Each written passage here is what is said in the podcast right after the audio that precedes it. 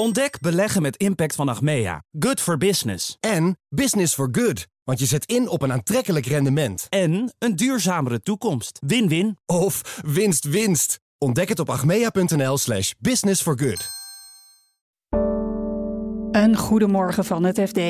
Ik ben Anouk Turkenburg en het is maandag 15 januari.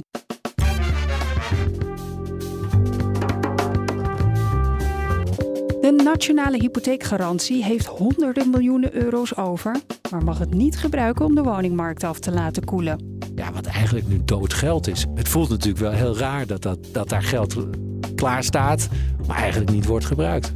Vandaag begint het World Economic Forum, maar het evenement staat onder druk. Dus je ziet dat die regionalisering oprukt en dat is eigenlijk slecht nieuws voor het World Economic Forum. En Donald Trump lijkt in de voorverkiezingen juist te gaan profiteren van al die rechtszaken die tegen hem lopen. Trump zegt: Dit is een heksenjacht, het is allemaal politiek ingestoken, ik ben onschuldig. Hoe vaker de kiezer hem in de rechtbank ziet, ja, hoe meer dat beeld ook wel beklijft.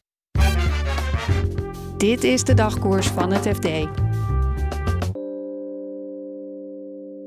Bij de nationale hypotheekgarantie klotst het geld tegen de plinten. Ze willen dat inzetten voor de woningmarkt. En dat zou de middelen goed kunnen gebruiken.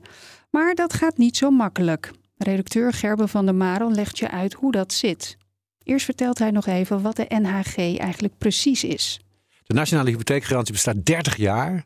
En dat is eigenlijk een geweldig systeem waarbij huizenkopers, vooral eh, starters of mensen met een redelijk betaalbare woning, tot uh, iets meer dan 4 ton inmiddels, dat is opgelopen natuurlijk, een hypotheek kunnen afsluiten die voor rampscenario's is gegarandeerd. Een soort verzekering. Bijvoorbeeld als je arbeidsongeschikt raakt of in een echtscheiding terechtkomt, dat je die restschuld, dat die vergoed wordt uh, door, door deze instelling. Hoe verdienen zij geld eigenlijk? Ja, het is een stichting die, eh, die eigenlijk geen, uh, wordt geacht geen winst te maken. Zij hebben inkomsten doordat bij het afsluiten van zo'n hypotheek eenmalige premie wordt betaald door de huizenkopers aan NHG. En hun uitgaven, de belangrijkste uitgaven zijn natuurlijk hun eigen organisatie, 100 man werken er. En daarnaast dus die uitkeringen van die, uh, ja, die probleemschulden, zullen we zeggen. Maar nu houden ze geld over. En hoe komt dat dan? Dat komt natuurlijk omdat die huizenmarkten keihard omhoog zijn gegaan de afgelopen jaren, sinds de kredietcrisis eigenlijk, zo'n tien jaar geleden. Dat betekent dat veel mensen nog steeds met die NHG-garantie huis hebben gekocht, een hypotheek hebben gekregen. Maar dat die overwaardes op die woningen dusdanig hoog zijn geworden en dusdanig groot zijn geworden, dat als er problemen ontstaan, dat eigenlijk die overwaarde voldoende is om die hypotheek af te lossen. En dat betekent dat die NHG, die voor huizen, een betere huizenmarkt moet zorgen, eigenlijk met ontzettend veel overtollig vermogen zit. Hoeveel is dat ongeveer? Ja, dat is uh, opvallend. Dat is opgelopen tot bijna 1,7 miljard. En wat echt opvallend is, is dat ze daar eigenlijk helemaal niet aan mogen komen. Dus we hebben enerzijds een uh, huizenmarkt die, uh, nou ja, vanwege de schaarste, de krapte en vooral natuurlijk aan de, hè, voor, de, voor de starters en de mensen met iets minder hoge inkomens, heel moeilijk is om tussen te komen. En tegelijkertijd hebben we zo'n instelling die uh, met zo'n opgepot vermogen zit. En dat zit niet in huizen. Nee, dat hebben ze belegd in staatsobligaties. En, maar wat kunnen we daar dan mee? Of wat kunnen zij daarmee met die 1,7 miljard? Uh, we hebben voor het Financieel Dagblad gesproken met, uh, met de directeur, Carle Muters. en die, ja, die pleit nu bij Den Haag, hè, bij de politiek, om het toch nog mogelijk te maken om dat vermogen aan te gaan spreken voor eigenlijk een bredere set aan activiteiten. En waar denkt ze dan aan? Ja, dan denkt ze de, de, vooral aan, aan duur, verduurzaming van woningen. Dus mensen die een bestaande lening hebben, uh, dat, die, dat die nieuwe leningen gegarandeerd kunnen aangaan om, om die stappen te kunnen zetten. En ook in de preventie, om ervoor te zorgen dat mensen niet in geldproblemen raken. Of mensen die bijvoorbeeld schulden hebben, dat ze proactief iets voor ze kunnen doen.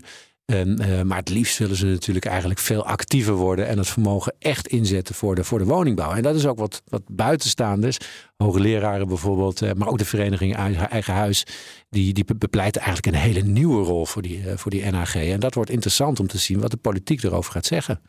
Want wie beslissen hier nu uiteindelijk over? Ja, dat zijn verschillende ministeries. Uh, er ja, we hebben natuurlijk te maken met een, uh, met een regeringswisseling. Uh, de NAG heeft dat intern, voordat ze met ons, met Financieel Dagblad spraken, hebben ze daar ook al in Den Haag natuurlijk voor gelobbyd. Nou, daar werd het idee het idee van we moeten meer doen voor de kwetsbare groepen werd eigenlijk niet heel warm ontvangen, zei, zei de directeur. Dus het wordt wel spannend om te zien of dat, dat vermogen ja, wat eigenlijk nu dood geld is, hè, want zo kan je het kunnen zien, of dat echt wordt ingezet voor de woningbouw. het voelt natuurlijk wel heel raar dat, dat, dat daar geld klaar staat, maar eigenlijk niet wordt gebruikt.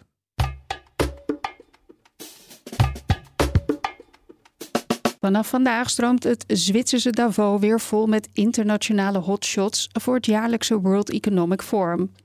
Maar een afkeer van globalisering werpt een behoorlijke schaduw over dit evenement. Redacteur Pieter Kouwenberg frist eerst nog even je geheugen op over dit forum. Het World Economic Forum is een, een grappig genoeg een privaat initiatief van een uh, meneer Klaus Schwab.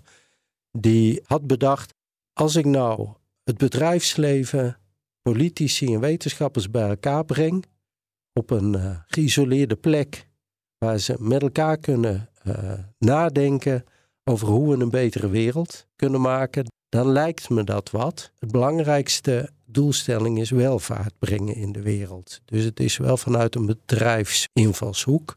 Je betaalt een fix abonnementsgeld om daar toegelaten te worden, maar je krijgt ook weer heel veel terug.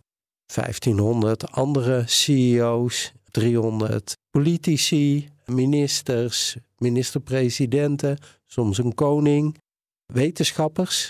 Dus je krijgt een fantastisch veilig podium om uh, te netwerken. En je mag s'avonds dan, uh, krijg je tig uitnodigingen voor zogeheten tafels.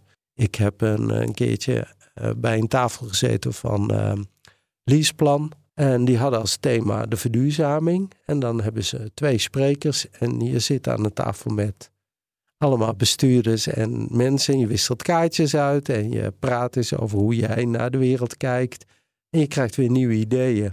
En dan na drie dagen ga je moe maar uh, vol met ideeën en uh, uh, visitekaartjes ga je weer terug naar huis. Wie schuiven er nou vanaf vandaag allemaal aan? Wie komen er? Nou, ons kabinet is altijd behoorlijk goed vertegenwoordigd. Normaal gesproken gaat altijd premier Rutte, die is groot fan. En nou, normaal gesproken neem je de minister van Financiën mee, maar ja, die hebben we niet meer. Uh, de bedoeling was dat er zes man uh, met hem mee zouden gaan. Uh, maar onze minister van Volksgezondheid, die is ook al afgehaakt. Mickey Adriaanse, de minister van Economische Zaken, die gaat in ieder geval. Zij gaat... Nederlandse bedrijven? Philips, de banken zijn er altijd, verzekeraars. Maar nog wel belangrijker is misschien wie komen er niet? Precies. Nou, één uh, die je zeker zou verwachten en er gewoon niet komt, al jaren niet komt, is ASML. En waarom dan niet? Uh, ja, dat, dat blijft een beetje mistig. ASML is natuurlijk een beetje neurig uh, ingenieursbedrijf en zoiets heeft. Laat ons nou maar daar in Veldhoven rustig die prachtige chipmachines bouwen en laat ons verder met rust. En internationale en, politici bijvoorbeeld, die ook nou, niet komen? Wat heel grappig is, is dat sinds de Brexit de Britten gewoon niet meer komen. De Sunak, die is er weer niet bij. Uh, vrouw Merkel, dat was altijd een trouwe bezoekster. Maar haar opvolger, meneer Scholz, die was er vorig jaar wel, maar die laat dit jaar toch echt verstek gaan, omdat hij intern te veel gedoe heeft. En dat is misschien ook wel een teken wat het gaat schuren bij dat Davos. Want Davos gelooft eigenlijk in. Er is ooit een heel mooi boek geschreven door meneer Friedman. En die schreef: De wereld is één open plaats. De mondialisering verwoorden die daarmee. En we ontdekken nu steeds meer dat landen zich op hun eigen, achter hun grenzen verschuiven. We hebben America First. We hebben nu Made in India. Dus je ziet dat die regionalisering oprukt. En dat is eigenlijk slecht nieuws voor het World Economic Forum. En nou ja, Schulz verkiest er dus voor niet zijn energie te steken in Davos het netwerk, maar om te kijken hoe die intern de boel rustig en tevreden kan houden met gemor van uh, de bevolking, zoals wij dat hier in Nederland ook kennen.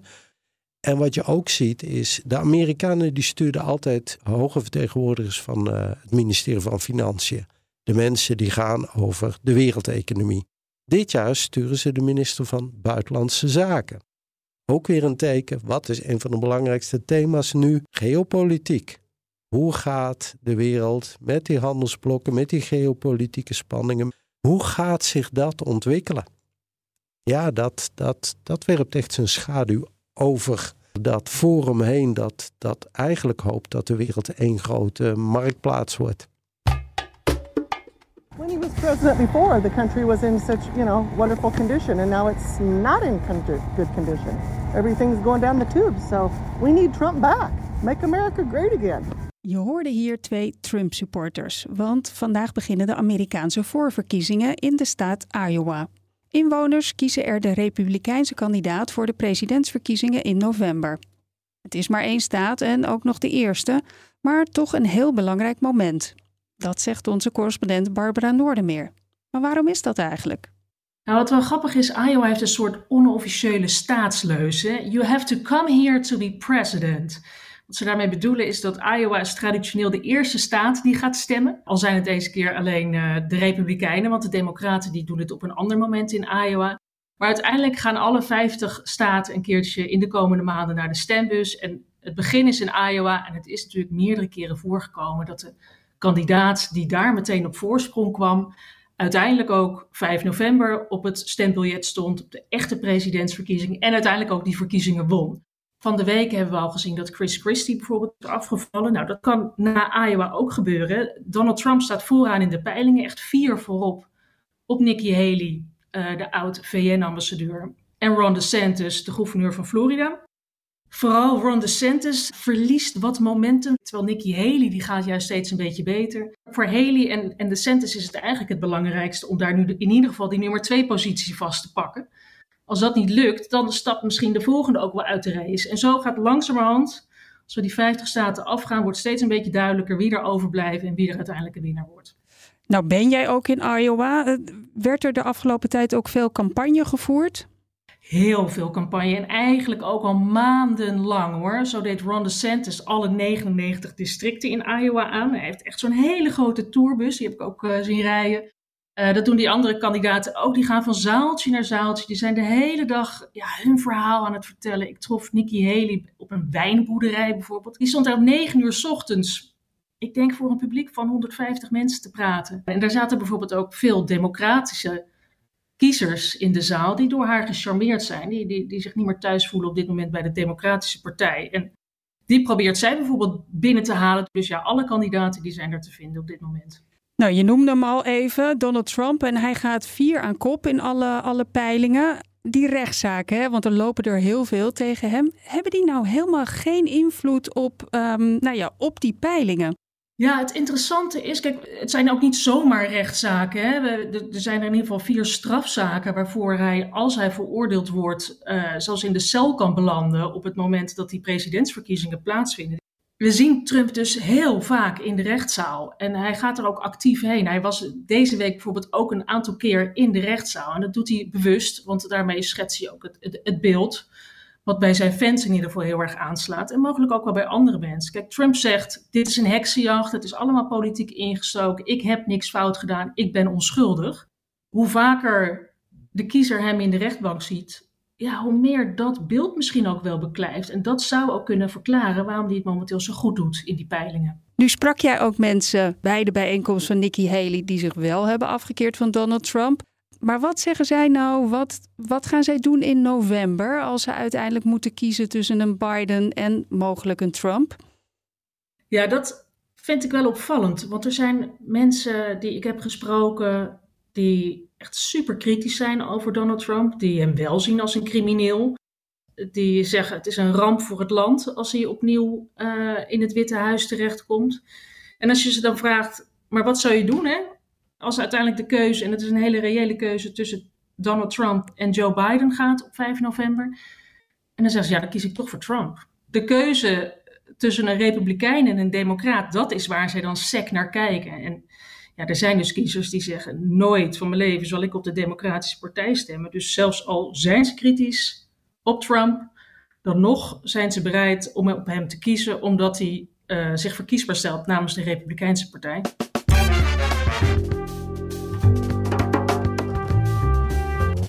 Dit was de dagkoers van het FD. Wil je onze verhalen niet alleen luisteren, maar ook lezen? Probeer dan het FD vier weken voor slechts 1 euro. Ga naar fd.nl/slash dagkoers en meld je aan. Dagkoers is er morgenochtend weer. Nog een hele fijne dag en graag tot morgen.